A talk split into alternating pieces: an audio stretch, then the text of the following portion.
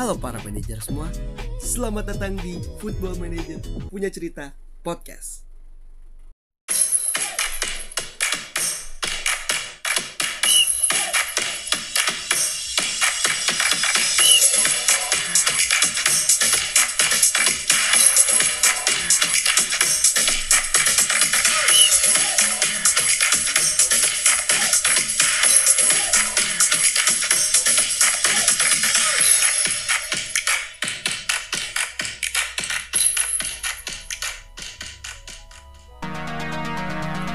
Selamat datang di episode kedua Football Manager Punya Cerita season ini. Masih bersama gue, Binar Arya Mukti, yang akan menemani kalian hari ini. Sebelum mulai, gue mengucapkan dulu selamat Hari Raya Idul Fitri bagi semua manajer yang merayakan. Taqabbalallahu minna wa minkum, minal aizin wal faizin, mohon maaf lahir dan batin.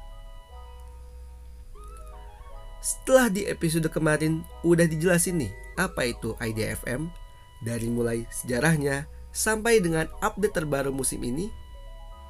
Di episode kedua kali ini gue akan bahas tentang tim-tim mana aja nih di divisi teratas IDFM League yang menarik untuk kita korek-korek. Sebelumnya, gue jelasin lagi nih sedikit tentang IDFM Super League. IDFM Super League merupakan kasta teratas dari IDFM League. Terdiri dari 20 tim yang akan bertanding secara kompetisi penuh. Selain memperebutkan juara di peringkat pertama, para peserta di IDFM Super League juga harus ingat bahwa dari peringkat 17 sampai dengan peringkat 20 akan otomatis terdegradasi ke divisi championship. Sedangkan peringkat 16 harus berjuang ekstra di fase playoff agar dapat bertahan di divisi Super League.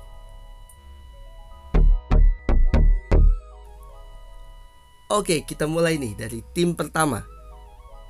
Tim pertama yang akan kita bahas hari ini adalah juara IDFM Super League musim lalu.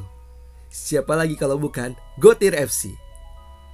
Gotir FC merupakan juara IDFM Super League edisi 2021 dengan catatan yang bisa dikatakan sangat ciamik. Memperoleh total 80 poin hasil dari 25 kali menang, 5 kali hasil imbang, dan 6 kali kalah.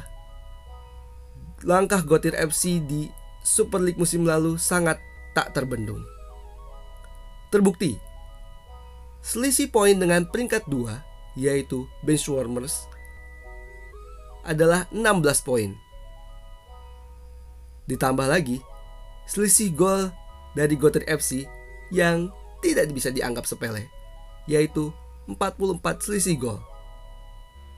Tak heran jika Gotir FC masih menjadi favorit musim ini. Apakah Gotir FC mampu mempertahankan tata divisi Super League musim ini? Menarik untuk kita tunggu aksinya.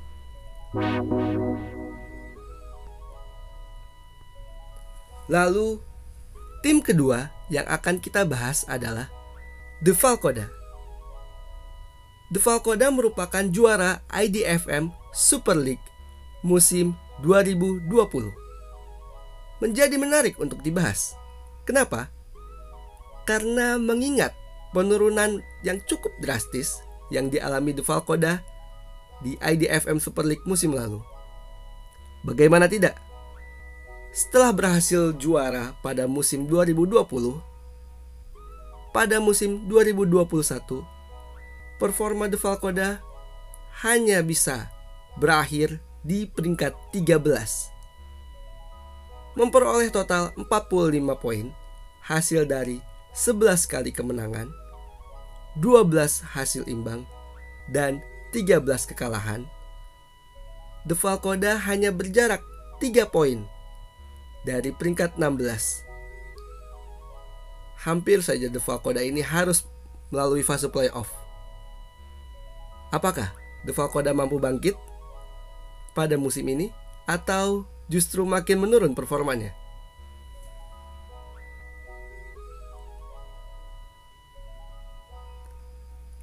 Terakhir, kita akan membahas salah satu pendatang baru di IDFM Super League. Siapa lagi kalau bukan juara dari final round IDFM Championship musim lalu, yaitu Matohale United. Musim yang sangat fenomenal bagi Matohale United. Mengantongi 65 poin. Hasil dari 20 kemenangan, 5 hasil imbang, dan 5 kali kalah dengan selisih gol cukup jauh yaitu 45 poin.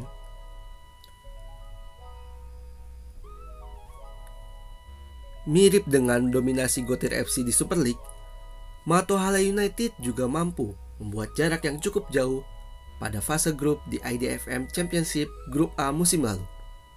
Berjarak dengan Omigo FC di peringkat 2, Matohala United mampu membuat selisih 10 poin.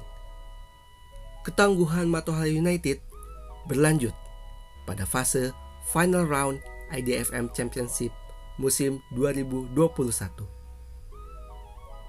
bertanding melawan FC Ninjas, juara grup B, dan juara grup C, Gopan Sentot City, Matohale United berhasil mengukuhkan diri sebagai juara IDFM Championship 2021.